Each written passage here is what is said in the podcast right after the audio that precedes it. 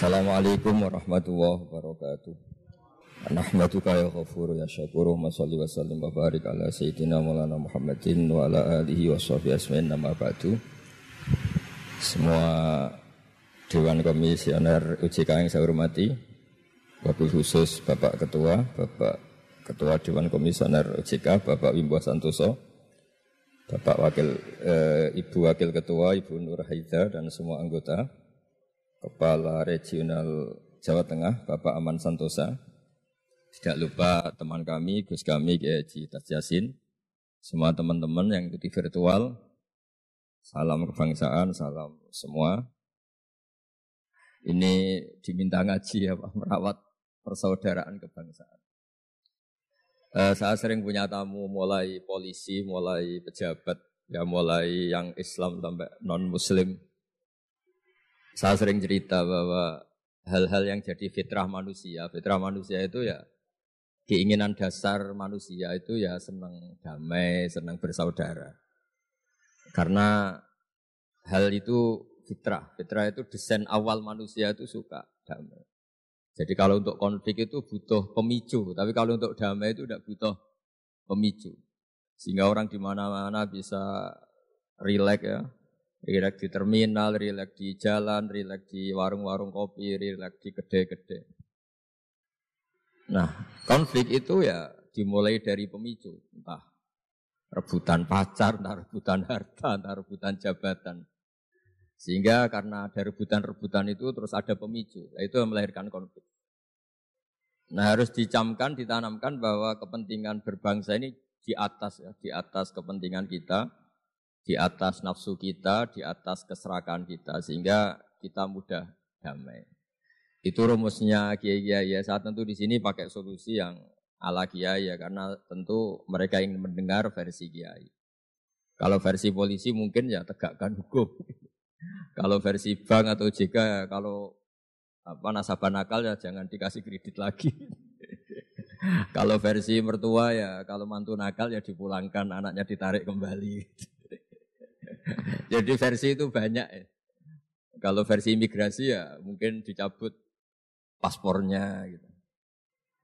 Kalau versi kiai itu melihat dunia ini sederhana. Banyak orang-orang tasawuf, saya ini cerita tasawuf, cerita yang ringan-ringan aja. Orang tasawuf itu kalau makan, itu satu piring ternyata kenyang. Gitu. Minum satu gelas ya sudah puas. Ya. Terus dia cerita, ngapain saya butuh uang banyak, uang satu piring ya sudah cukup. Gitu. Kalau tidur gitu ya tidur di satu kamar ya tidur, bangun ya sudah puas. Oh, artinya Anda punya kamar 100 ya tidurnya tetap di satu kamar. Jangan mentang-mentang punya kamar 100 dibagi lima menitan itu. Karena eman kalau kamar yang lain ngang, nganggur gitu.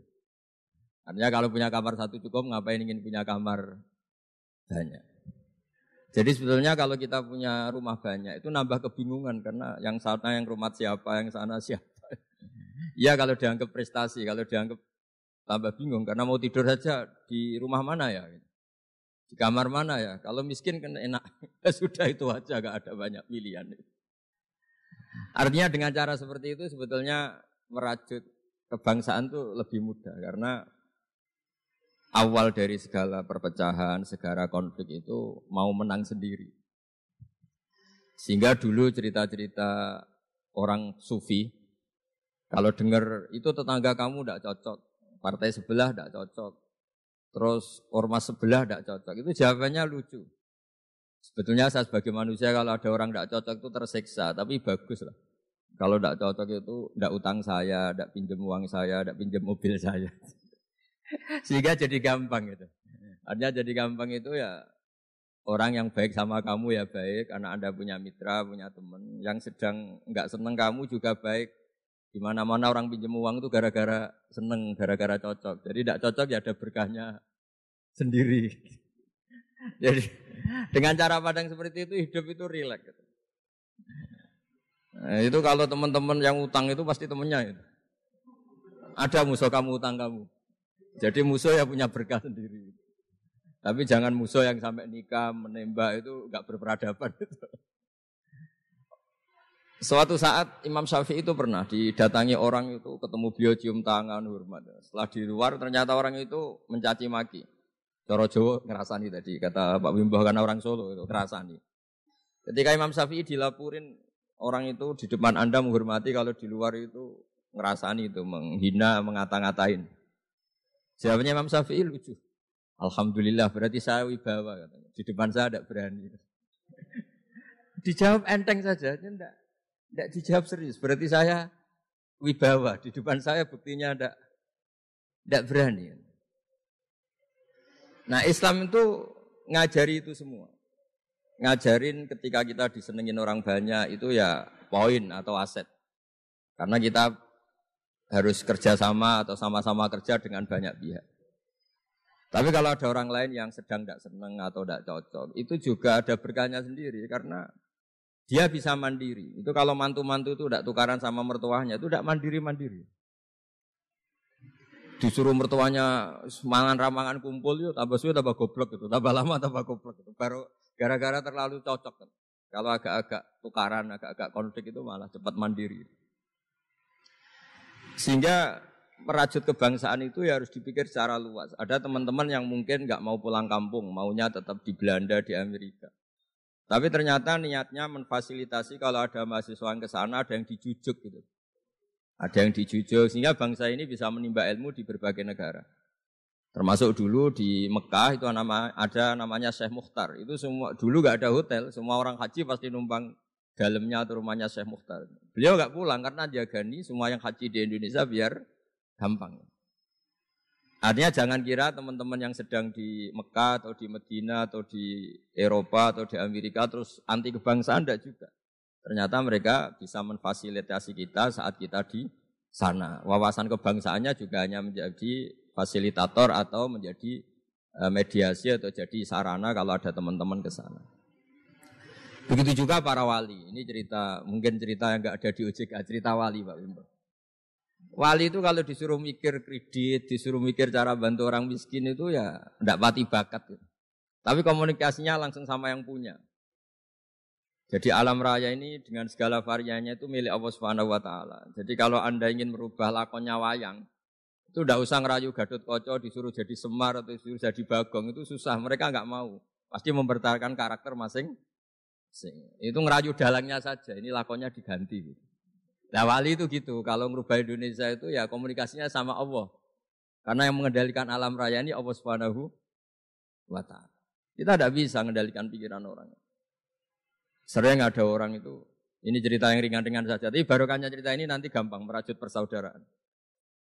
Bapak itu, bapak saya, di Haji Nur Salim, itu paling suka itu sama orang yang agak sombong. Sombong itu ya, ketua RT sudah bangganya Masya Allah. Dia punya motor satu sudah kayak orang paling kaya di dunia. Punya istri yang sebetulnya ada cantik, ya dia ngira istrinya itu paling cantik di dunia.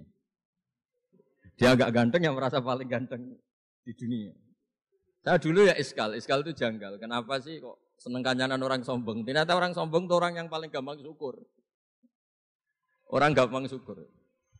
Tapi kalau ketemu orang yang kelihatannya sopan, apa saya hanya RT, apa saya hanya di OJK, saya ada menteri, menteri saya ada presiden. Presiden merasanya presiden di negara ketiga, dunia ketiga, bukan presiden superpower. Ketemu orang-orang yang tidak pernah puas itu kesannya tawadu, ternyata pasnya itu tidak pernah puas, tidak pernah syukur. Lah yang sombong ternyata tidak sombong, dia gampang syukur. Ketua RT aja sudah merasa kayak presiden. Hanya pegawai OJK aja sudah merasa bangga, padahal buat suruhan Pak Simbo. Tapi senengnya nggak disuruh seragam, sudah seragam semua. Saking senengnya. Ah, iya. Bangga banget ya? Ah, bangga banget. jadi sama, sebetulnya kita jadi warga Indonesia, berKTP Indonesia sudah harus seneng. Tidak gampang, orang punya negara itu tidak Coba orang-orang yang sekarang di Amerika di mana-mana itu orang Indonesia itu ya kangen rumah. Itu untuk kangen ke sini itu harus berbiaya 100 juta untuk pulang. Kita tidak usah kangen sudah di Indonesia itu sudah luar sudah luar biasa. Nah, sama-sama kerja atau saling memberi kontribusi. Saya sering punya analogi. Saya sering diskusi sama banyak rektor di Indonesia. Eh, bagus mana kerja sistem modern sama sistem kiai? Kata saya ya semuanya punya plus minus. Tapi kalau saya kiai ya milih bagus kerjanya kiai. Gitu. Kalau kiai itu ngajarkan orang yang mampu nolong yang lemah. Ya sudah itu aja ajarnya. Kapan saja Anda mampu, berkesempatan mampu ya wajib menolong. Tapi kalau sistem modern itu ada ada jobnya. Sehingga gara-gara ada jobnya, suatu saat mungkin kalau ada orang tenggelam, wah saya ada sar, saya ada tim sar gak perlu menolong. Gitu. Kalau ada orang miskin, saya ada pegawai bank gak perlu masih kredit. Itu bahaya untuk bangsa ini. Sehingga dibutuhkan kerja-kerja yang ala kiai saja. Kalau ada kecelakaan di jalan, meskipun Anda tidak satlantas, ya ditolong Anda yang menangi, yang tahu. Kalau ada yang miskin, tetangga kamu Anda mampu, ya tolong saja. Tidak usah nunggu diajukan proposal, didaftarkan miskin resmi sampai ada plakatnya, terus baru dibantu. Itu itu. Nah, selak kelaparan. Nah, pendidikan agama juga gitu. Misalnya semester ini mengkaji tentang sholat, misalnya di UIN atau di IAIN. Mengkaji tentang haji. Kalau di Kiai enggak, Anda mau haji tinggal tanya Kiai. Tapi kalau ada kuliah, nunggu semester itu, nunggu dosen itu baru tahu bab haji.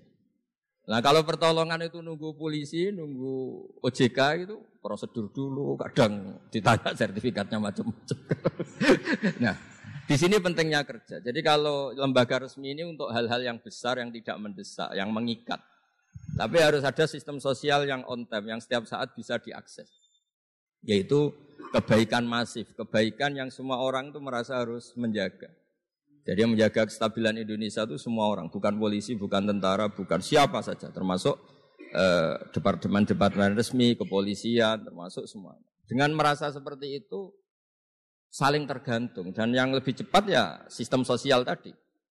Sehingga kalau sistem sosial itu ada kiai, atau ada tokoh agama lain, atau ada yang dituakan, itu relatif stabil karena Coro Jawa nak tukaran itu sungkan, kalau terlalu konflik itu sungkan. Nah sehingga dulu ada cerita ini cerita-cerita ada seorang perempuan itu ketemu Nabi itu di jalan. Itu cara etika orang kita lah, apalagi orang Solo, orang Jogja itu kan ada etis ketemu di jalan dicegat. Ya Rasulullah, saya ini punya bapak sudah tua dan kalau anda haji seperti ini pasti ingin bapak saya itu ikut, tapi beliau sudah tua sehingga tidak bisa ikut. Ini gimana saya harus menghajikan beliau apa enggak? Sama Nabi saat itu dijawab. Kalau bapak kamu punya hutang, kamu yang bayar cukup enggak? Ya cukup ya Rasulullah. Ya sudah seperti itu. Artinya cukup Anda hajikan.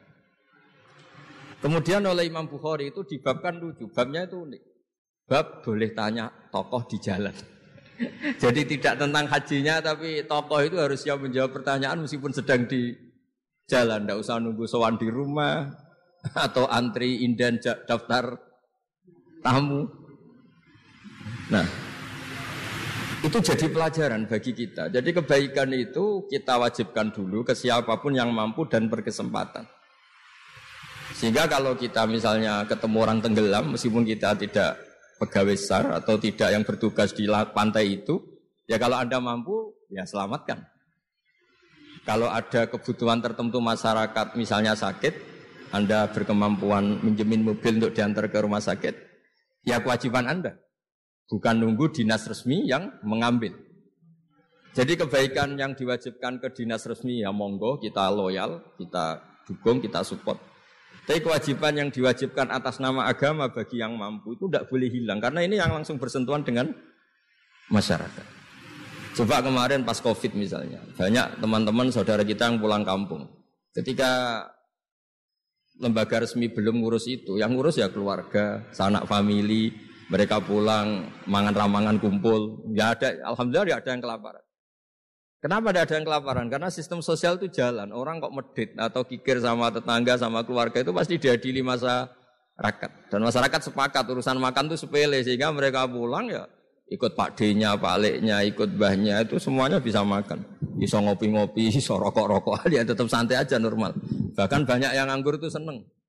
Barokahnya nganggur yang ngutangi tidak nagih kata. Kalau tidak, jadi ya dianggap dianggap ringan saja hal-hal seperti itu. Khawatir saya kalau saya pernah baca kitab di karangan seorang ulama besar Al-Hayatul Ulya, otoritas besar dalam satu sistem negara itu harus diakui sebagai bagian dari kebaikan masif. Jadi kebaikan masif yang nggak boleh hilang adalah kebaikan yang nggak punya otoritas karena ini jumlahnya lebih besar. Ya tadi misalnya kecelakaan di jalan itu kan tidak bisa kebetulan ada mobil patroli atau mobilnya apa satlantas atau lembaga resmi tertentu yang nangani kecelakaan. Yang nangani ya orang-orang di jalan yang menangi itu terus diantar ke rumah sakit atau ngabari keluarganya. Sehingga kata Nabi, kullukum ra'in wa kullukum mas'ulun an ra'iyati. Semua kita ini menjaga kedamaian, menjaga kemajmuan, semua kita jaga sistem sosial, semua kita menjaga kebaikan. Nah dari semua itu dibikinlah di era modern lembaga-lembaga formal. Tapi jangan juga lembaga formal menghilangkan sistem fitrah manusia tadi yang fitrahnya ingin baik dan itu ada di mana-mana dan kapan saja. Dan Allah kalau menciptakan sesuatu itu pasti luar biasa. Saya sering ditanya sama orang-orang, Gus Gunanung Indonesia seneng cangkruk itu apa? Anggap aja itu tim SAR paling on time katanya. Itu kalau ada orang bingung, yang ditanya pertama ya orang-orang nganggur di pertigaan-pertigaan itu. Ini rumahnya mana? Kalau ada orang bingung yang nanya itu. Kalau ada orang kecelakaan yang nolong ya itu. Artinya sistem sosial yang sudah ada itu nggak boleh diambil alih lembaga. Karena kalau itu iya, kita kekurangan kekuatan apa? Sosial. Jadi ini penting saya utarakan supaya kebaikan-kebaikan bersama ini saling melengkapi, bukan saling mengadili, bukan saling merasa paling superior. Saya sering guyonan begini, kalau ada rapat ketahanan pangan, yang rapat itu merasa superior karena punya rumus yang luar biasa. Tapi apa, apa artinya rumus itu kalau petani nggak mau nanam padi? Petani itu tidak usah rapat, tapi nanam padi itu otomatis jaga ketahanan apa? Pangan. Sistem sosial juga sama. Di kampung itu kalau ada orang jahat atau sinis, itu pasti nggak punya teman. Monggo Gus Yasin ini rawuh. Ini alhamdulillah Gus Yasin rawuh. Mau Biar jajar Pak Ketua, dia di situ ada. Oh mau di. Mari guys. Jangan tetap di aja itu.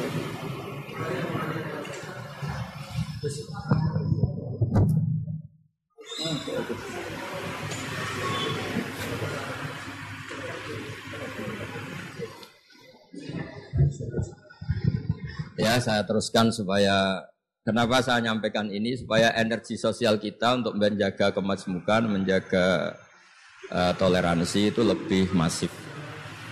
Uh, di beberapa daerah itu ya banyak masjid jejer gereja di Tuban, di Jakarta. Dan ketika buktinya nggak ada apa-apa yaitu simbol perdamaian. Di beberapa daerah ya banyak orang Islam, bosnya itu non Muslim, atau sebaliknya non Muslim, bosnya Muslim. Atasan juga banyak begitu, atasannya Muslim mana itu kan contoh sosial yang sudah masif. Justru karena didiskusikan, diseminarkan itu menjadi kayak kita baru mulai.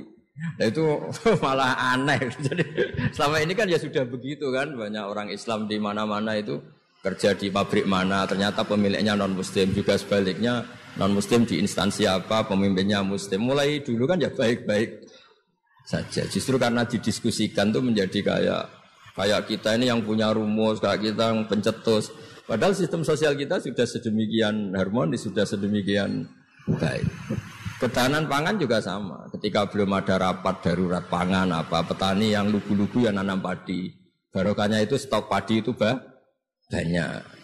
Begitu juga mereka melahirkan sistem kerja yang nggak punya ladang, kerja di yang punya ladang dan kalau itu didolimi atau nggak digaji, ada embargo sosial terus nggak mau kerja di situ sehingga yang nggak baik juga akan baik karena dipaksa oleh sistem sosial. Jadi sebelum ditangkap polisi karena tidak baik, itu sudah diadili sosial, itu diadili hukum sosial. Nah, hal-hal seperti ini harus jadi perangkat bersama untuk menjaga kebaikan bersama. Makanya saya sering bilang sistem sosial itu segala-galanya.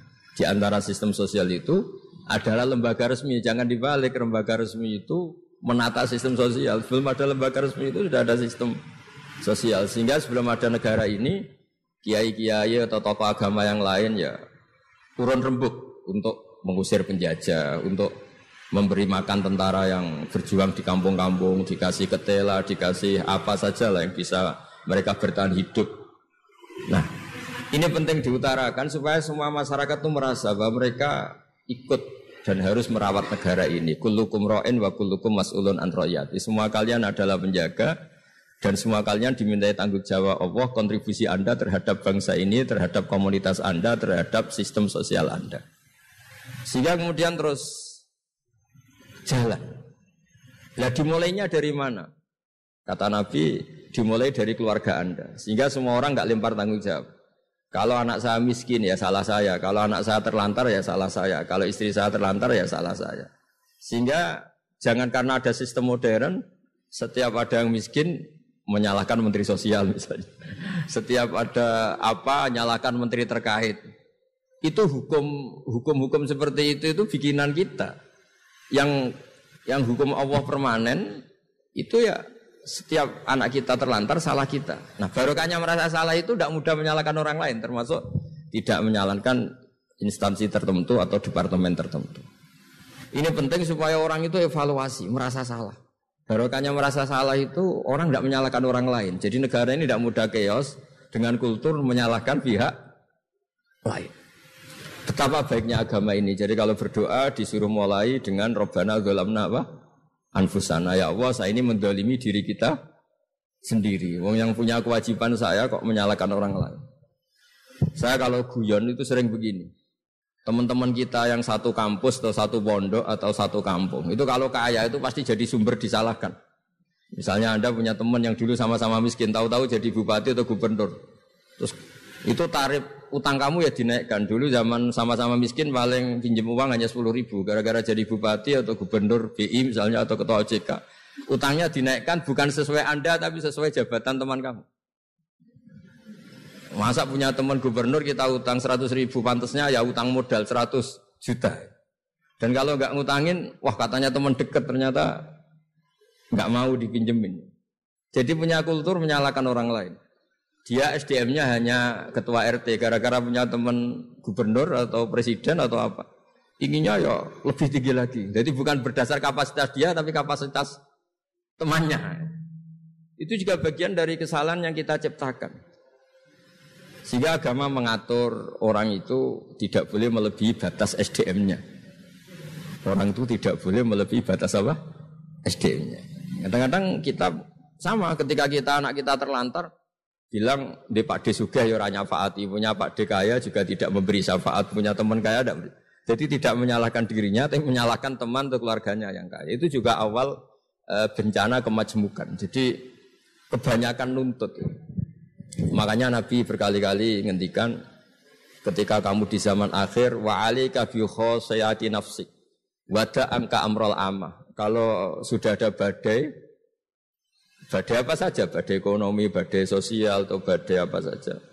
Urusi diri kamu sendiri itu bukan Nabi menanamkan egois itu enggak, justru menanamkan kebersamaan. Barokahnya orang itu sibuk ngurus keluarganya sendiri itu enggak kepikiran nyalakan orang lain. Jadi orang kadang salah tafsir itu justru seakan-akan kita diajari untuk egois itu enggak. Berkahnya ngurus diri sendiri, ketika kita sudah terurus tidak membebani, membebani sama orang lain dan berkahnya ngurus diri sendiri juga tidak gampang mengkomplain orang lain karena kita merasa punya kewajiban sendiri. Tapi kalau kita ini terlalu modern, orang nggak punya uang, ini tanggung jawab Menteri Keuangan. Kalau miskin tanggung jawab Menteri Sosial. Kalau ada jalan rusak tanggung jawab PU. Oke, secara hukum kenegaraan misalnya mereka berkewajiban tugas itu. Tapi kalau itu untuk alasan menyalahkan, semangat kita menyalahkan. Dan agama itu tidak mengajari seperti itu. Agama itu mengajari Robbana Zulamna apa? Anfusana ya Allah. Saya ini merasa mendolimi diri sendiri. Nah dengan seperti itu itu enak. Enak cara hukum sosial kayak tadi. Ketika Allah menciptakan orang tidak suka kita, kita kadang ya Allah salah saya apa kok sampai orang tidak cocok saya. Kamu lupa Allah mendesain orang tidak cocok kamu supaya ada utang kamu, tidak gagu kamu. Barokahnya tidak cocok itu tidak minta uang kamu. Nah itu yang saya ingin ditiru. Jadi perilaku-perilaku ulama-ulama besar kayak Imam Syafi'i itu kalau tadi sekali berkali-kali saya ngomong, e, ya, ya Abu Abdillah, panggilannya Imam Syafi'i ya Abu Abdillah orang itu tidak cocok kamu. Ya baguslah dia merdekakan saya. Dia tidak akan pinjam uang saya, tidak pinjam mobil saya, tidak akan ganggu saya. Wong tidak. Tidak cocok. Kalau dia hajatan juga tidak ngundang kamu. Jadi tidak cocok itu ya barokahnya ya banyak. Nah kenapa banyak kiai tidak dimintai rembukan masyarakat padahal dituakan? Karena kalau semuanya minta rembukan kiai itu disarankan mondok semua. Padahal barokahnya negara ini ya ada yang kuliah, ada yang jadi polisi, ada yang jadi tentara. Kalau rembukan semua sama kiai disarankan mondok semua. Nanti yang jadi polisi siapa, yang jadi dokter siapa. Nah barokahnya kadang-kadang kiai ditinggalkan nggak diajak rembukan itu ya varian-varian profesi itu bah banyak. Kiainya juga ada harus tersinggung. Ini katanya nuakan saya apa-apa diputuskan sendiri ada usah seperti itu ya biasa aja. Jadi apa kemajmukan, menjaga kemajmukan itu dimulai dari semua orang merasa berkewajiban menjaga perdamaian ini menjaga keharmonisan ini. Tentu dimulai dari merasa wajib pada dirinya. Ini penting supaya tidak ingin menyalahkan orang lain atau terbersit menyalahkan orang lain. Terus kedua bahagia dengan dirinya tadi. Misalnya orang yang paling miskin di Indonesia. Itu ternyata tadi saya utarakan, saya punya kitab-kitab tasawuf banyak. Itu lucu-lucu dan jadi gampang hidup. Misalnya dia miskin makan satu piring kenyang. Kenapa saya harus korupsi? Kenapa saya harus mencuri? Wong makan satu piring juga sudah apa? Kenyang. Terus dia menghitung. Orang sampai kaya raya, itu makannya sampai meninggal, misalnya 60 tahun, jumlahnya sama orang miskin ternyata jumlah yang dimakan yang sama, jumlah yang diminum ya sama. Terus ada pertanyaan, saya pernah digugat juga pas uh, dalam satu acara. Jadi kalau orang kaya ingin apa saja kan kesampaian Gus, ingin beli mobil kesampaian, ingin beli pesawat kesampaian. Saya tanya, ya orang kaya inginnya tidak seperti itu. Misalnya inginnya mungkin jadi presiden, inginnya jadi gubernur, kan ada aja nggak kesampaian. Tetap aja ada yang nggak kesampaian. Kadang-kadang, wah enak jadi anaknya presiden, anaknya gubernur, apa saja kesampaian. Banyak juga anaknya presiden mungkin ingin anaknya jadi presiden ya nggak kesampaian. Anaknya kiai ingin anaknya jadi kiai ya nggak kesampaian. Mungkin anaknya jenderal, anaknya ingin jadi jenderal Nah dia nyontohkannya kan, wah kalau jadi orang kaya itu enak, ingin makan di apa saja kesampaian. Masa orang kaya seleranya hanya ingin apa? Makan. Artinya ada saja yang enggak sama. Misalnya orang jadi raja Arab Saudi, ada aja enggak kesampaian. Mungkin bayangkannya ya tidak ada yang demo, tidak ada yang komplain, semua anak yang diinginkan putra mahkota jadi ya tidak gampang kesampaian. Nah, kemudian dia berpikir lagi. Saya ulang lagi ya. Dia dia berpikir lagi si si orang miskin tadi. Misalnya dia ke hutan atau ke gunung.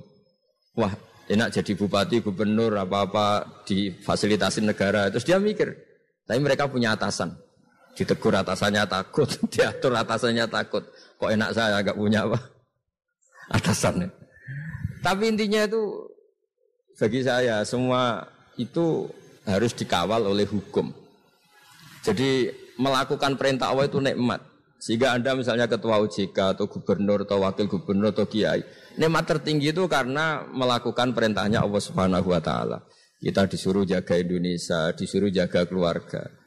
Kalau nikmatnya itu subjektif sepihak, kita puas kalau ingin seperti yang kita inginkan. Itu nggak akan ada puasnya karena nafsu kita itu kalau guyonan orang-orang tasawuf, kamu dikasih dunia seisinya dan lipatannya, tamak kamu atau keinginan kamu itu tidak akan tercapaikan, tidak akan terpuaskan. Karena manusia itu ya sudah nggak ada batas, nggak ada batasannya. Maka kalau guyonnya dulu kan ada orang tirakat, kalau megang apa saja jadi emas. Dia bayangkan jadi kaya, jadi top. Ternyata pertama dia megang saka rumahnya, tiang rumahnya jadi emas. Habis itu megang apa lagi jadi emas. Lama-lama megang nasi jadi emas, megang minum jadi emas. Akhirnya dia nggak bisa makan karena dia ingin semua yang dipegang jadi emas. Pas kecapean megang-megang dia ingin makan, yang dipegang juga jadi emas. Ya akhirnya kan jadi bingung gitu karena nggak kesampaian kan. Dia kesampaiannya jadi emas, ternyata kebutuhan dasar dia ingin makan malah tidak kesampaian karena yang dimegang jadi emas. Jadi itu kan contoh. Sejahtera juga sama. Anda bayangkan misalnya Kalau punya mobil, punya uang tabungan, punya apa, semuanya kesampaian enak itu. Semua yang kamu inginkan kesampaian itu enak. Ukuran ukuran enak dengan banyak bergantung. Dengan tidak banyak bergantung itu ilmiah mana? Misalnya gini, saya ini bahagia cukup dengan makan satu piring. Anda bahagia nunggu punya alpat, punya uang satu miliar. Lu menggantungkan kebahagiaan dengan banyak sesuatu yang Anda belum miliki itu sudah satu kebodohan kalau orang tasawuf. Cek, cek repot ya, tapi bahagia we kok kakean syarat ya. Makanya saya sering bilang kalau saya berkali-kali cerita ada orang perempuan datang ke saya, Gus saya ingin kaya. Bilang orangnya itu jelek. Saya bilang kalau kaya yang repot kamu. Kenapa Gus? Setelah suami kamu kaya, sekarang suami kamu kan miskin. Pertama yang dievaluasi apa? Ganti rumah, ganti mobil. Lama-lama ganti Anda, kata saya. Karena setelah rumahnya bagus, mobilnya bagus, yang dievaluasi pasti Anda, katanya. Wah, kalau gitu miskin aja, Gus. iya kan, sudah rumah bagus, mobil bagus, ternyata istrinya. Nanti kalau suami kamu kaya, yang dievaluasi tidak hanya mobil dan rumah, tapi Anda, katanya. Nah, maksudnya ini ya guyon, tapi supaya kita ini bahagia dengan diri kita apa? Sendiri. Jadi saya mohon semohon mohonnya semua yang mendengar ngaji ini bahwa agama ini mengajarkan wa'ali kafi khosoti nafsik. Urus diri kamu sendiri itu bukan mengajari egois itu bukan. Kalau semua kewajiban orang merasa bertanggung jawab, paling tidak bawaannya itu tidak nyalakan orang lain. Dan negara juga agak repot-repot karena semua orang dicukupi oleh orang tuanya, oleh keluarganya. Sehingga negara ini sifatnya hanya membantu, bukan ngurus yang pokok. Tangan negara tidak cukup untuk ngurus sebesar itu tidak cukup. Yang cukup adalah individu-individu ini menanamkan nilai-nilai sosial sehingga semua bertanggung jawab atas dirinya, atas kampungnya, atas komunitasnya, terus negara fasilitasi itu semua. Insya Allah menjadi baldatun toyibatu warobun kafur. Saya kira demikian, semoga bermanfaat dan mohon maaf. Assalamualaikum warahmatullahi wabarakatuh.